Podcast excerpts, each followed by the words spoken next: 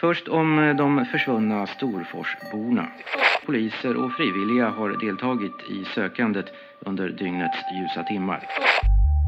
23-åriga Urban Höglin och 21-åriga Heidi Pakkonen från Värmland har försvunnit på Coromandelhalvön på Nya Zeeland. De båda skulle ha lämnat landet den 20 april men var aldrig med på det plan de hade bokat.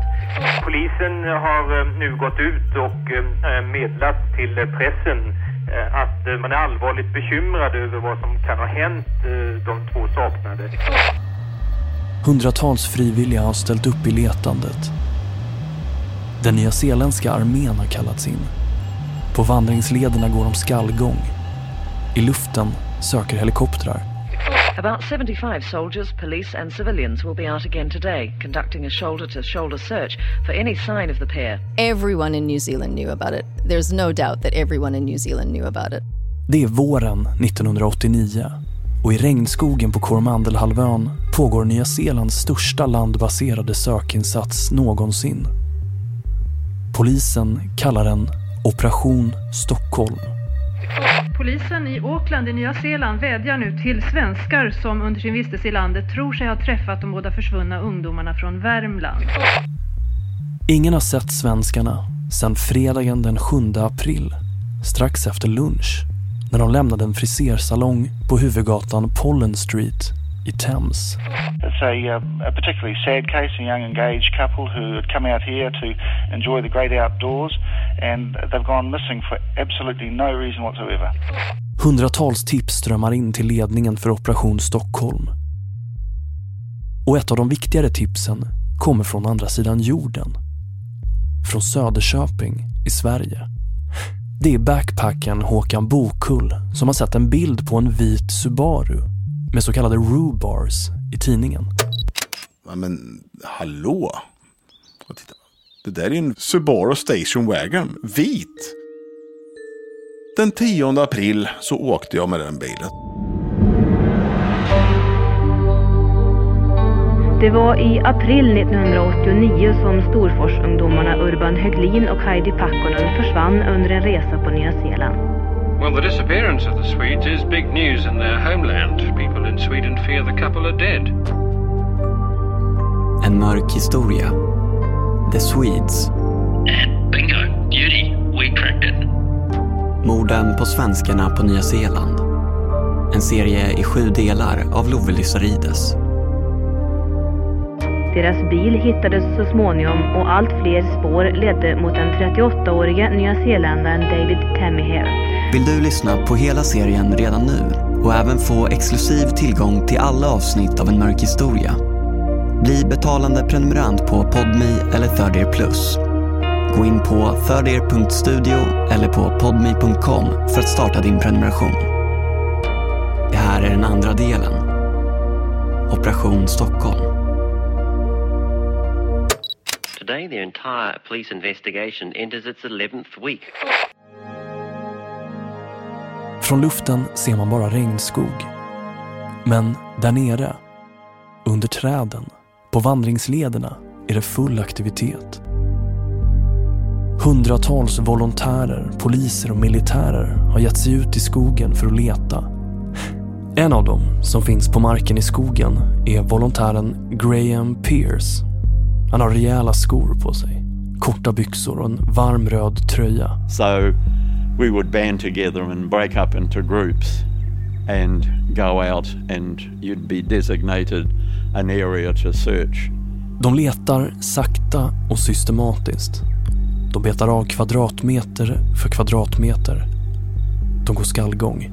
Well, you search and the people either side of you are no more than six feet away. You can almost touch them. That way you don't miss anything. So you slowly walk on a line and you run a string or a bit of cotton each side. So then you do a turn and come back and you grid search an area so that everything is covered. Kormandelhalvön är inte särskilt stor till ytan. Det är typ som Öland och lika långsmal. Men det är en svår terräng att söka av. Det handlar om en tät, tjock djungel. På många ställen helt ogenomtränglig. Så tjockt buskage att du inte ens kan sticka in handen mer än några decimeter på vissa ställen. Att bara följa en vandringsled här kan vara en alltför krävande uppgift för en otränad vandrare. Och att nu dessutom lämna leden och söka av området vid sidan av är stundtals helt omöjligt. Det krävs personer som har rätt träning och erfarenhet. Och Graham Pierce är en sån. Han har det som han själv kallar för bush knowledge.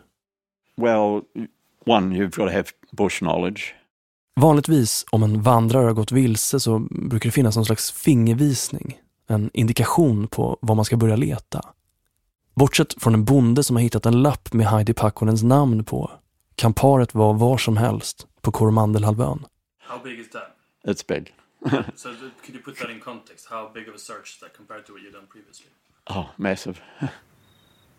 Volontärerna leds av den erfarna räddningsledaren John Cassidy. Han har varit med om mycket, men säger att det här tillhör ovanligheterna. Search and Rescue Coordinator John Cassidy says the job's proving slow, tedious and unpleasant. Det regnar och blåser. Och regnet gör vandringslederna till en enda sörja av lera. Pretty rough up there for the guys. It's pretty blustery weather, very rough. They're working away very, very steadily, going very well. Uh, covering the ground about as well as we expected, I think. I was in a three-man team. We were one of the lucky ones. We were the first in and we were taken by helicopter. Graham Pierce, volontären igen. To the furthest point that we could get and dropped off. But it was raining, it was blowing and the helicopter pilot was saying, keep your eyes open because there's power lines going across the gully. We don't want to hit those, otherwise we'll be in trouble. So he dropped us off, came back and said, I'm not going up there again, it's too dangerous. So we got dropped off and we walked these trails up there all day, you know, looking for any sign of these missing people. Graham Pierce har gjort det här förut. När han går i regnskogen letar han efter tecken, spår. Han tittar på andra saker än vad du och jag skulle titta på. Han tittar på avbrutna grenar. Åt vilket håll de har brutits. Han letar efter vattendrag. Och där tittar han på stenarna. Om de ser ut att ha flyttats på. Eftersom det kan betyda att någon har letat efter stenar att använda som tyngder för att sänka en kropp. Det är det här som är bush knowledge. All we were looking for that was anything that didn't belong in the bush. So that meant any scrap of paper, any bit of plastic, whatever. If it wasn't related to naturally being in the bush, then that's what they wanted and it had to be bagged and brought back. Att vandra i den här djungeln kräver kunskap. Hur mycket vatten du ska ta med dig. Vad du ska göra om det hinner bli mörkt. Eller om du skadar dig. Coromandelhalvön är täckt av regnskog. Fast det är en subtropisk regnskog. En regnskog som kan vara svettig och outhärdligt varm på dagen. Men oförsonligt kall och mörk på natten. Alla som går upp i skogen har inte kunskapen. Turister försvinner. Bybor går vilse. Sen finns det också de som väljer att försvinna. Som en del av byns search and rescue-enhet har Graham sett allt. Han har ofta med sig en säck när han är ute och letar. En bodybag. There are people that, you know, um, can't handle a normal dead person. Um, for some reason in my makeup, it doesn't bother me. Um, they don't scare me. Um, and yeah, it's been quite handy actually in the past. Operation Stockholm styrs med militär precision. Volontärerna har tydliga instruktioner och inriktningar. I ett PM som går ut till alla i söket beskrivs Heidi Pakkonen som tall, slim, with a platinum shoulder length hair. Och Urban Höglin, tall, slim, clean shaven. Allt som hittas ska rapporteras till ledningen. En detaljerad lista över deras kända tillhörigheter har skickats ut. Urban har en mörkgrön jacka av märket Wildlife. Shorts, blåa jeans. Heidi, en blå jacka med ett vitt V. Vita örhängen i plast. En guldkedja med ett hjärta. En förlovningsring. Båda två har likadana svarta tjocktröjor, står det i PMet. Svarta med stora rosa och turkosa bokstäver som formar ordet unbelievable. Men hur mycket alla än letar hittar de ingenting. So we did all that but say nothing really was found.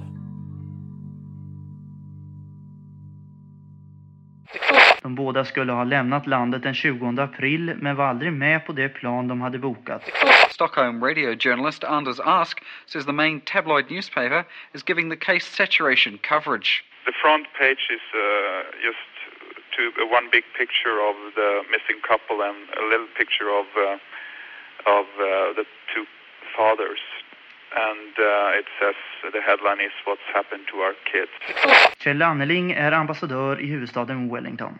När de konstaterade att de, de två saknade inte hade lämnat landet och man hittade eh, den övergivna bilen så har man då satt in stora resurser för att försöka utreda fallet. Man tar det mycket allvarligt. De sände ut massvis med folk som letade. Va? För detta var ju eh, lite pinsamt att två av våra kära backpackers var borta. Här är Kjell Anneling, Sveriges ambassadör på Nya Zeeland 1989. På ambassaderna är ju också den konsulära verksamheten. Va? Så vi blev involverade med en gång på det och, och med kontakter med, med Emma och, och, och allt sånt där. Sverige och Nya Zeeland har historiskt sett haft goda relationer. Kjells jobb som ambassadör har varit enkelt, säger han. Kungen och drottningen har precis varit på Nya Zeeland och han har arbetat med statsbesöket. Drottningen har träffat representanter för maorifolket och gjort en traditionsenlig maorisk hälsning, en hongi, där två personer för sina näsor mot varandra för att andas samma luft. Jag tycker helt enkelt det, det, det är roligt att träffa så mycket människor. Kungen har hamnat i blåsväder för att han har kritiserat den norska statsministern Gro Harlem Brundtland för ett uttalande om säljakt. Om Gro Harlem Brundtland inte kan ta hand om sälproblemet, hur ska hon då kunna ta hand om det norska folket, sa kungen. Drottningen är graciös och kungen trampar i klaveret. Allt är som vanligt helt enkelt. Men när nyheten om Urban och Heidi slår ner får ambassadören Kjell Anneling ett annat fokus. Två svenska medborgare är spårlöst försvunna. Han tar sig upp till Kormandelhalvön.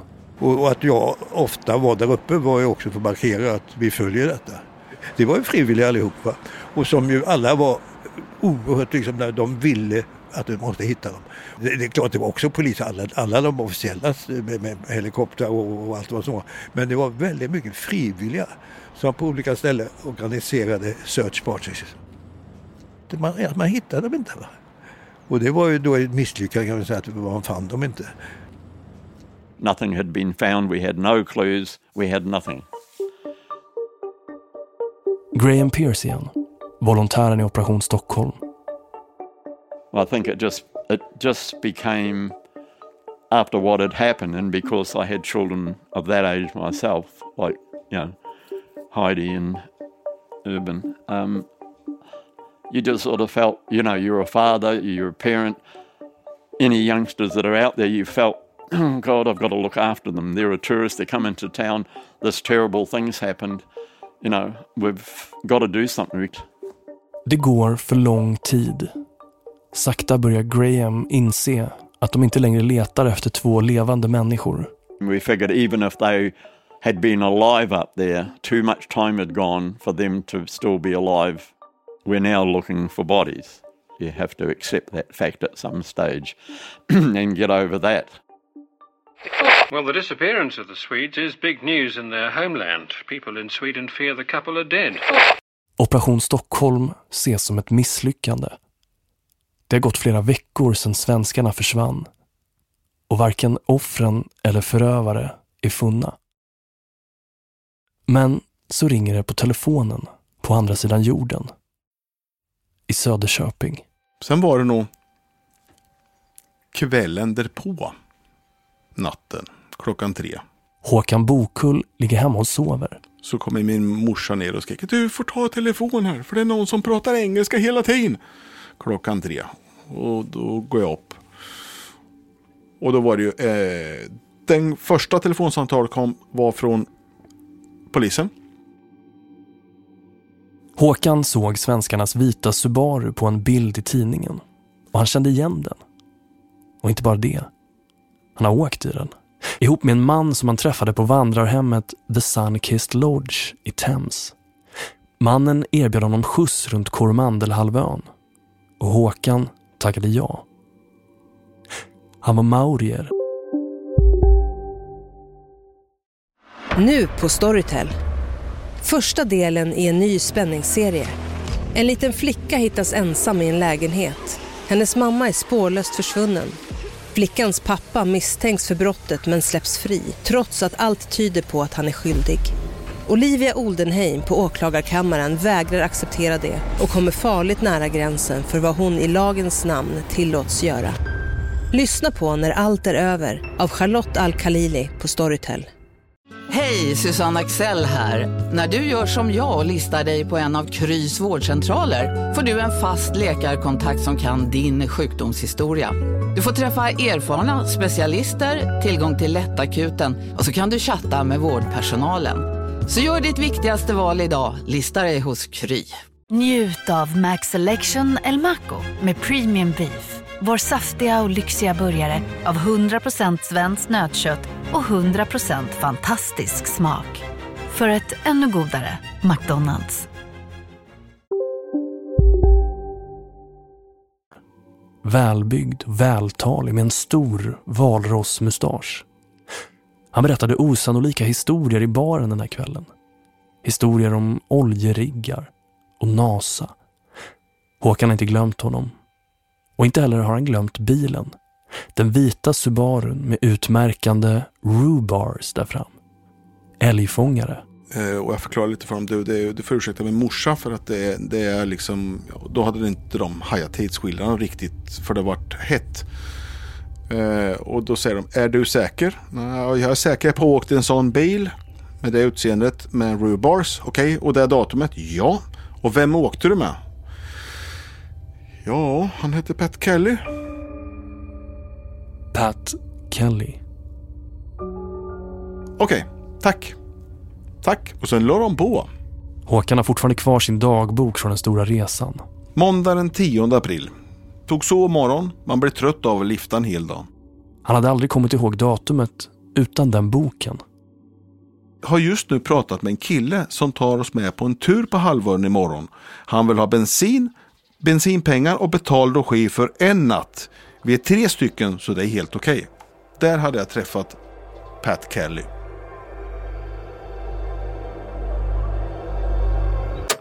Håkan har suttit i Heidi och Urbans bil den 11 april i Thames. Fyra dagar efter att de lämnade frisersalongen på Pollen Street hos frisören Marilyn Round. We couldn't cut their hair at that time so they went and had lunch and came back about one o'clock. Det här skapar ett fönster på fyra dagar. Vad det nu än är som har hänt, så har det hänt under de här fyra dagarna. Från stunden de klev ur frisersalongen, fram till stunden då Håkan Bokull satte sig i den vita Subarun, tillsammans med Pat, Pat Kelly. Vem är Pat Kelly? Mannen som kör runt i svenskarnas bil fyra dagar efter deras försvinnande. När polisen åker till vandrarhemmet The Sunkissed Lodge hittar de Pat Kellys namn i receptionens gästlista. Där har han även angett en hemadress. Det är en adress på Nya Zeelands södra ö, i staden Invercargill. Ett snabbt samtal till den lokala polisstationen i stan visar att adressen inte bara är påhittad. Det finns inte heller någon person som heter Pat Kelly. Pat Kelly är ett påhittat namn. Mannen som körde runt Håkan Bokull på Coromandelhalvön den 11 april heter egentligen något annat. I don't know why, but my wife said to me the week after that, what's wrong with you? you you're testy, you're uptight. Veckor har blivit till månader och det ger inget resultat. Svenskarna är borta och Operation Stockholm börjar sakta avta. Volontären Graham Pierce igen. And it's alltså, quite hard to think that the parents have lost their children. You know? Hmm. Because being involved, I will always have this mental image of the two photos of them that were up in the police station. Her with that blue jacket and the white V. If I close my eyes, that's what I see. And I see Urban as well, but she's the predominant one that I see. And that's, as they say in search and rescue, that's unfinished business that we didn't succeed in. Sorry. Graham återgår till sitt jobb som tvättmaskinsreparatör i Thames. Men han kan inte släppa svenskarna. Hans fru, Lynn, märker det på honom. Att han inte är sig själv. Well, you know, you, you're not like you normally are. And I said, it's bothering me.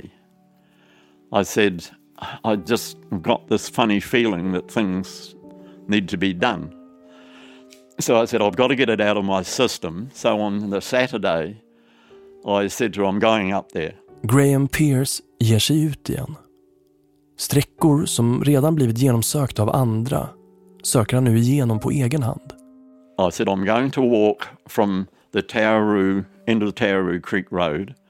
I'll walk, walk into a place called the Jamtons, which is about probably a two hour, two and a half hour walk in if you just walk in. I said, I'll go in there and have a look. Graham är väl medveten om att området redan har sökts av. Men det har sökts av i ett zigzagmönster. Han ska göra det annorlunda. Han ska göra det i raka linjer. Först höger och sen vänster. Instead of going from side to side, I will, will look on the left hand side. So any place I could walk into the bush 10, 20, 30 feet or more, I would walk in. And in some cases, I didn't walk on the trail, I actually walked in the bush looking around for anything out of place. Vandringslederna på Coromandelhalvön går som snirkliga serpentiner genom regnskogen. Kors och tvärs, uppför och nedför. På vissa ställen är lederna väl upptrampade. Men på andra ställen ser man knappt att det är en stig. På vissa ställen möts två vandringsleder. I korsningar. Och de här korsningarna blir ett naturligt ställe för vandrare att pausa på. Ofta döps korsningarna till något. Något namn som inte betyder något särskilt. Som bara ska fungera som en referens. Graham vill testa en teori. Han undrar om det kan vara så att Urban och Heidi var på väg till en glänta i regnskogen som heter Crosbys Clearing. Det är långt dit, en vandring som kräver en övernattning.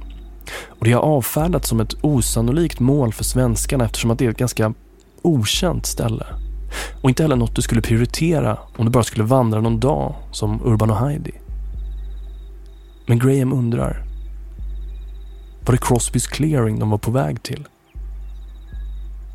Lugnt och metodiskt går han igenom vandringsleden tills han kommer till just en sån korsning.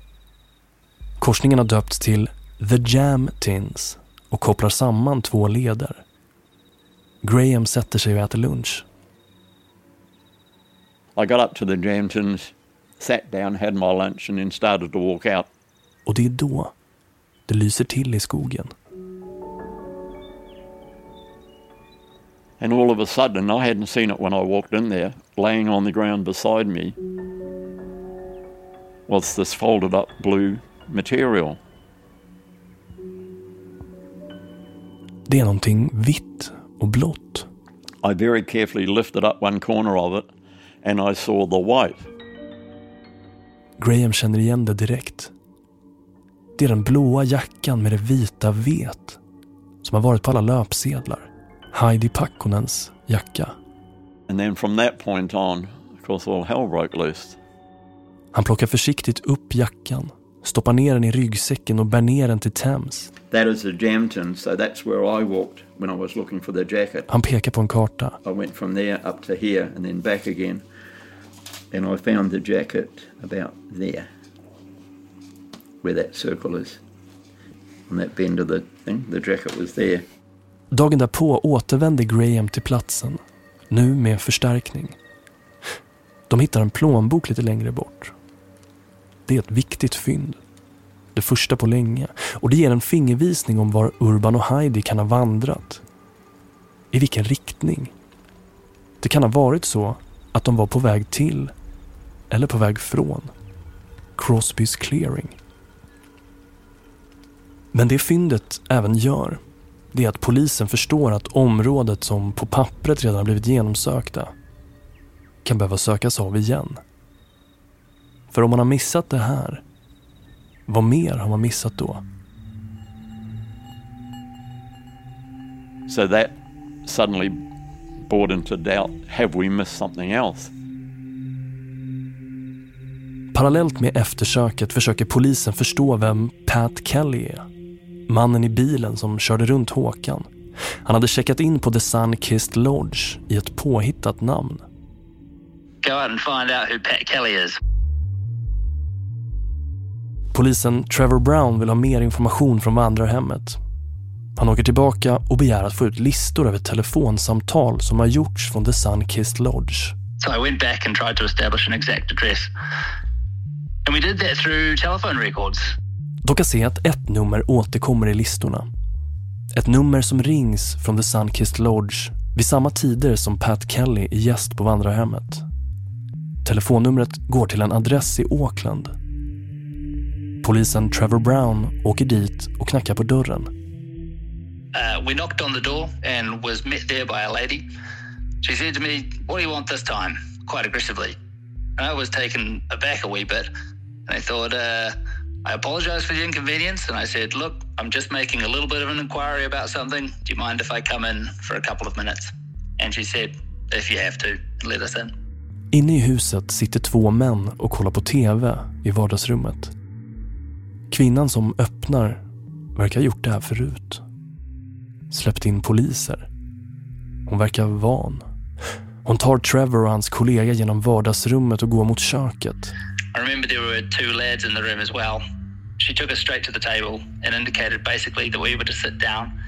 Kvinnan drar ut en stol. Och det är då Trevor ser det. So she just picked up off the back of the chair a jacket. En jacka. Trevor tittar på sin kollega. Det är en mörkgrön jacka. Han minns PMet. Listan på tillhörigheter som de ska hålla utkik efter. Förlovningsring, blåa jeans, svart tjocktröja med texten unbelievable och så en jacka. En mörkgrön jacka. Plötsligt hänger den där över stolen. Rakt framför honom. The jacket off the chair and subsequently just disappeared with it into the hall. Both of us, eyes lit up. Ah, that's the jacket. It's got to be the jacket. So when she came back, I said, Would you mind if I had a look at the jacket? And bingo, beauty, we tracked it. Vem är det som bor här i huset? frågar de kvinnan. Det är min man, svarar hon. Operation Stockholm har fått en huvudmisstänkt. Six minutes past seven, the hunt for the Swedish tourists Heidi Parkinen and Urban Hoglund took a new turn last night. After months of speculation since their disappearance earlier this year, Late this afternoon, a 35-year-old Auckland man was formally charged with the murder of the two missing Swedish tourists, Sven Urban Hoglund and Heidi Parkinen. Pat Kelly. Eller som han egentligen heter. David Wayne Tamihire.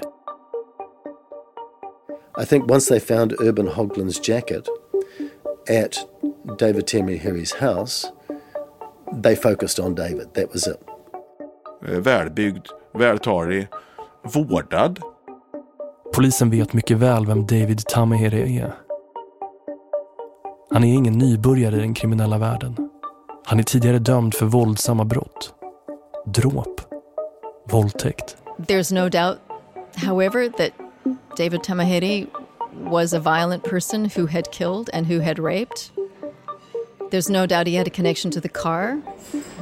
Is the Minister aware that the individual charged with the stealing of the uh, tourist vehicle was on bail at the time of the alleged theft for a serious rape charge and that he was on bail given his previous criminal record, including a brutal killing? Why was he on bail at the time of the theft of the vehicle?